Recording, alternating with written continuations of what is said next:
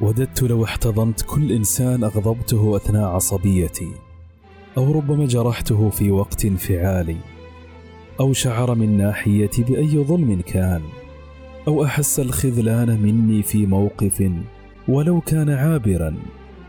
كم وددت لو اعتذرت له حتى يطمئن ويرضى أوضح له أنني ابدا لم أكن أقصد وأقبل رأسه وإن لم يوافق.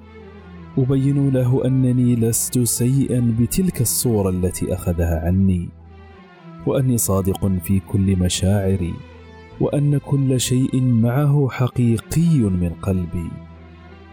كم وددت أن يسامحني من لا أستطيع إليه بالاعتذار وصولا ولا يبلغ جهدي لرد دينه طولا ولا تسعفني الظروف كي أطول المسافات لأسمع منه.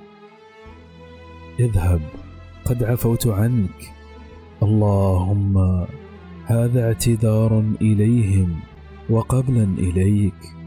فأعني على أن ألقاك وليس على ظهري حق لأي أحد. واقبضني خفيفا خفيفا وأنت راض عني.